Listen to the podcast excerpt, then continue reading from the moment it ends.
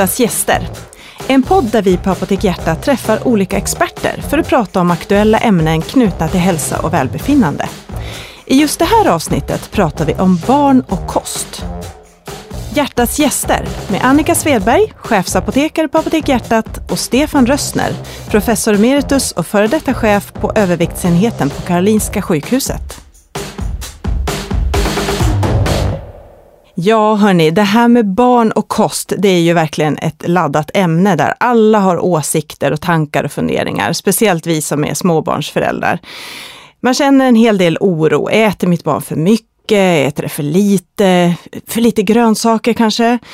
Eh, det är mycket tankar och funderingar och det är också ett område som det skrivs en hel del om just nu i media. Jag läste senast i, igår om eh, riskerna för barnfetma och ja, vi är intresserade av att lära oss mer om det här området och därför har vi idag bjudit in Stefan Rössner för att prata mer om just kost för våra barn. Stefan är ju en profil inom det här området och har funnits med många år och eh, vi, det är jätteroligt att ha dig här idag i studion. Tack. Varmt välkommen! Tack, tack.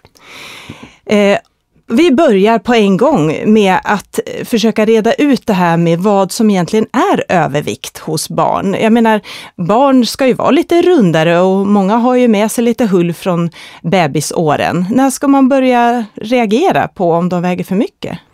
Ja, det här är knepigare än vad man tror därför att barn växer ju på längden och på bredden i olika faser av sin tillväxt fram till vuxen ålder. Och när det gäller vuxna så vet ju de flesta om att vi har det som kallas för BMI, Body Mass Index. Och det är ett mått som egentligen relaterar eh, längden till kroppsvikten. Ju längre vi är, desto mer måste vi väga. Och då finns det en formel för det och då får man sådana BMI-värde och det vet de flesta nu att 18-25 är normalt, 25-30 övervikt och över 30 fetma. Men det där går inte att köra på barn. Därför att, att, barnen växer på olika sätt under sin uppväxt från småbarnsåldern till puberteten. Och därför har man konstruerat något som kallas för ISO-BMI eller Coles BMI som då är en krånglig matematik där man har eh, lagt in kurvor ifrån många tusen barn jorden runt och tittat på eh, vad är normalt, hur ändras BMI över tiden. Och därför kan man inte bara säga BMI på ett barn utan man måste titta på hur gammalt är barnet och så har alltså barnavårdscentralerna, de har kurvor för längd och vikttillväxt. Och om man nu vill veta exakt vad som händer, då går man in i sådana kurva och tittar. Och då finns det ett medelvärde och så finns det spridningar. Det finns ju spridningar runt alla mått vi mäter. Och en del är lätt underviktiga, det är helt okej. Okay. Och en del är lätt överviktiga, det kan också vara helt okej. Okay. Och så är det de som har mycket över undervikt och då får vi problem. Så det viktigaste egentligen är att kolla på små barn att de följer sin kurva, sin linje i det här diagrammet. Och det kan man ju inte göra hemma vid köksbordet därför att det, det är krånglig matematik som jag sa. Utan det här får man göra när man någon gång går på, på barnavårdscentralen. Men det här får ju inte frustrera någon. Det kan ju inte vara så att man väger och mäter ungarna varenda dag utan eh, man ska ha på känn att det här ligger bra till, det här ligger mindre bra till. Och framförallt får man ju inte problematisera det här vid matbordet och terrorisera ungarna och inte föräldrarna heller. Mm. Men hur vanligt är det egentligen då att, att det är en, en övervikt som man faktiskt borde ta tag i? Ja, det märkliga är att i vissa länder har vi bra mått på barnövervikt och barnfetma. I Sverige saknar vi riktigt heltäckande nationella data. Vi har det för vuxna. Där har vi bra data, det har vi haft sedan, sedan 80-talet. Men för barn har vi lite bara plotterdata, en undersökning här, en undersökning där. Så att det finns inte några riktigt, riktigt bra siffror, men vi har hyggliga siffror om man sammanställer från de som finns runt om i, i Sverige. Och då säger man att ungefär 20 procent av svenska barn har ett överviktsproblem. Mm. Och när räknas det som fetma då? Alltså det är samma sak som med fetma med övervikt och fetma för vuxna. Övervikt för vuxna är BMI 25-30 och fetma över. Men när det gäller barn så brukar man säga att, att ligger de över eh, en, en viss del i kurvan, då räknas det alltså fetma. Men det är egentligen ointressant. Eh, det viktigaste är att se hur fel ligger de i förhållande till sin, sin normallinje. Mm. Eh, så att jag tycker inte man ska prata för mycket om, om övervikt och fetma utan bara titta på var ligger vikten på ett vettigt sätt under barnets tillväxt. Mm. Och vad är det som kan hända med hälsan just som barn eller i framtiden om man nu ligger väldigt mycket över sin kurva under en lång tid? Ja, förut så sa man ju att, att runda barn, babyhullet, det växer ifrån. Men det har ju kommit fler och fler undersökningar som visar att tidig barnövervikt, tidig stor fettväv hos barn, det trackar, det, det, det, kommer att leda fram till vikt längre fram i tiden. Förut sa man ju att, att ungarna springer ifrån sig hullet, men det är inte riktigt sant. Alla runda barn blir ju inte runda tonåringar och feta vuxna, men, men merrisken finns hela tiden. Och senaste tids forskning visar väl egentligen att, att man ska vara observant tidigare än vad man varit förut. Eh, under två, tre års ålder ska man ju inte terrorisera barn, men, men man kan inte hålla, hålla på och vänta och säga att det fixar sig nog, för det gör det nog inte. Nej. Är det här ett problem som växer eller har det varit ungefär lika under lång tid? Ja, alltså barnfetma har ju ökat och vuxenfetma har ökat och det speglar ju hela vårt samhälle nu. Vi har ju hamnat i ett läge där vi har gott om mat i Sverige, vi har bra mat, vi har fet mat, vi har tagit bort rörligheten, man behöver inte göra många steg, vare sig som barn eller vuxen. Så vi lever ju i en miljö som det kallas för the toxic environment, alltså en giftig miljö. Det är inte för att det är gaser i luften luften eller skit i vattnet. Utan det är för att vi har skapat en social miljö där vi främjar alltihopa som leder till att vi inte rör på oss och att vi äter för mycket. Mm, jag tror att vi är många föräldrar som funderar mycket över de där datorerna och plattorna och, och smartphonerna som, som våra barn sitter med väldigt mycket. Ja, och det ju, finns ju data som visar att tv är ju ett gödningsmedel. Eh, sen kom ju plattorna till och när de här undersökningarna gjordes med tv, då kunde man visa att för varje timme per dag som ungarna satt framför tvn så ökade risken för övervikt. Plattorna är ibland mer interaktiva och det har ju kommit till med bra datorprogram där man kan få ungar att motionera. De hoppar och skuttar på plattor. Då kan man ju till och med göra eh, datorerna till ett motionsredskap. Ja, och nu har ju faktiskt Pokémon Go kommit också. Där ja, ska precis. man ju röra sig. Och det, det finns det andra risker med det. Alltså, det visar ju bara att tekniken kan ju faktiskt vara till vår fördel och inte bara ett, ett gödningsmedel. Nej, precis.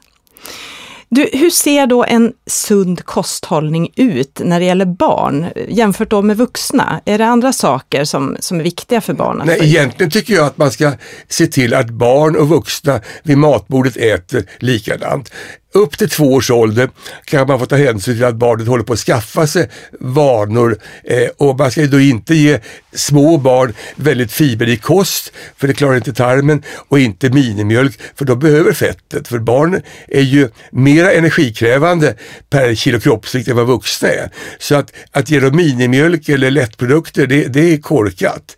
Det är nog inget problem men rent allmänt ska, är det ingen viss begörelse. Fram till två års ålder ska barnen bara ha, ha hel helprodukter och lagom med, med fiber. Men efter två, tre års ålder, då ska de äta precis vad de vuxna äter. Och det är ju viktigt tycker jag att man kommer ifrån det här som finns på alla restauranger, att det är bara köttbullar och pommes frites och korv och pizza och ingenting annat. Kommer man till Frankrike, då äter ju barn precis vad de vuxna äter och mindre portioner bara. Mm.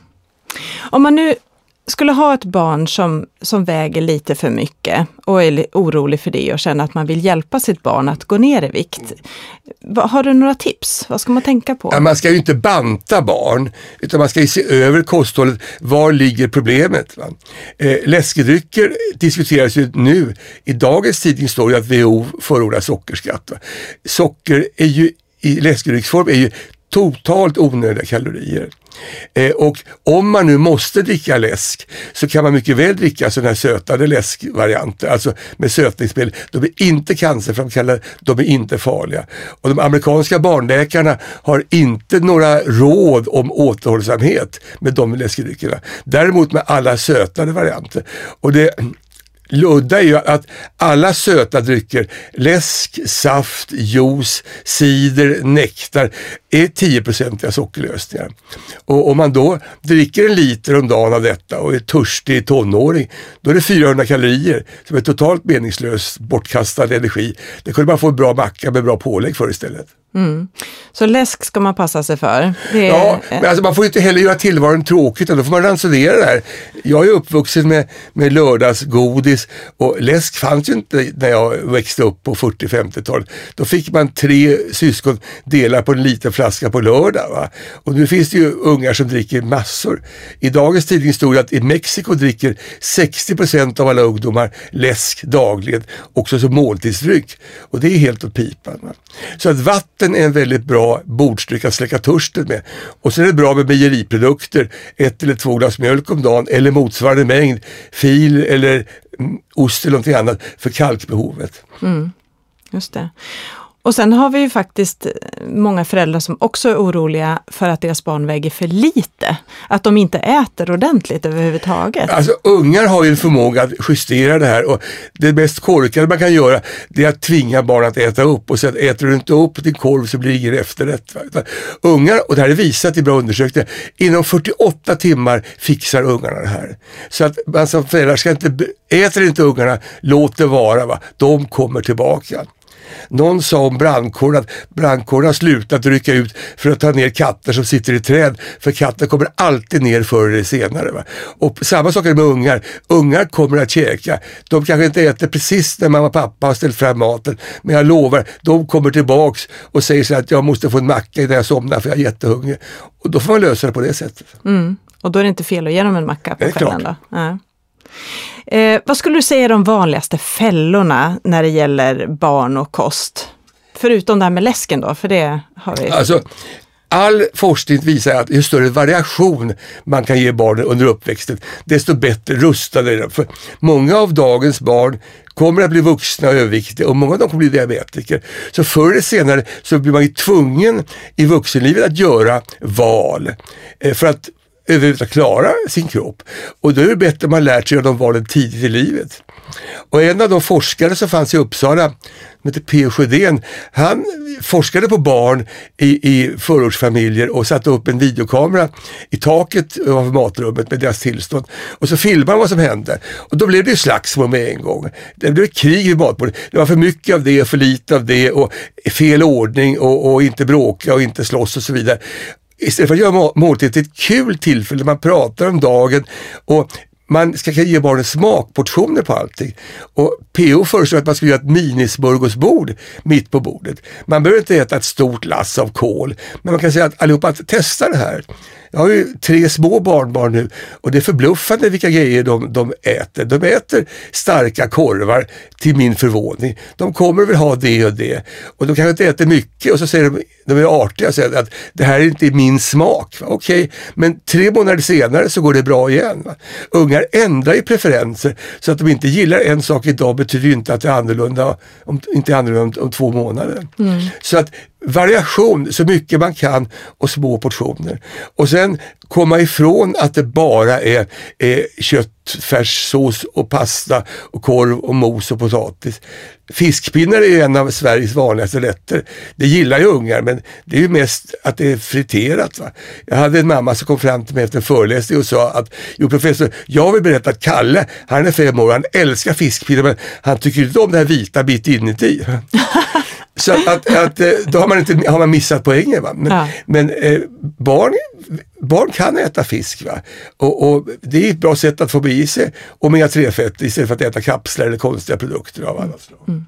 Du, vad, vad, jag förstod det här med lightprodukter att eh, det, det, spelar inte så stor roll, det är nästan bättre, eller rättare sagt så här, när det gäller läsk ja. så, så gör det ingenting om man tar en lightläsk. Nej, Nej. Och man, då tycker jag att man ska säga så att, att vardagsdrycken är vatten eller mjölk. Många barn vill ha vatten istället för, för mjölk. Mm. Då är det bra att de får någonting mina barnbarn de dricker alltid vatten till maten för det vill de ha. Men när de kommer hem efter dagis så vill de ha yoghurt som mellanmål. Så det fixar sig på ett väldigt enkelt sätt. Då får de sina mejeriprodukter på, på det sättet. Mm. Men, Men om man dricker lä läsk då och då, det är inte det som är problemet. Då får man göra som godis och inte en stor hink med, med, med Cola light utan då får man ett glas till, till lördag eller när det är fest. Men det är inte fest varje dag. Mm.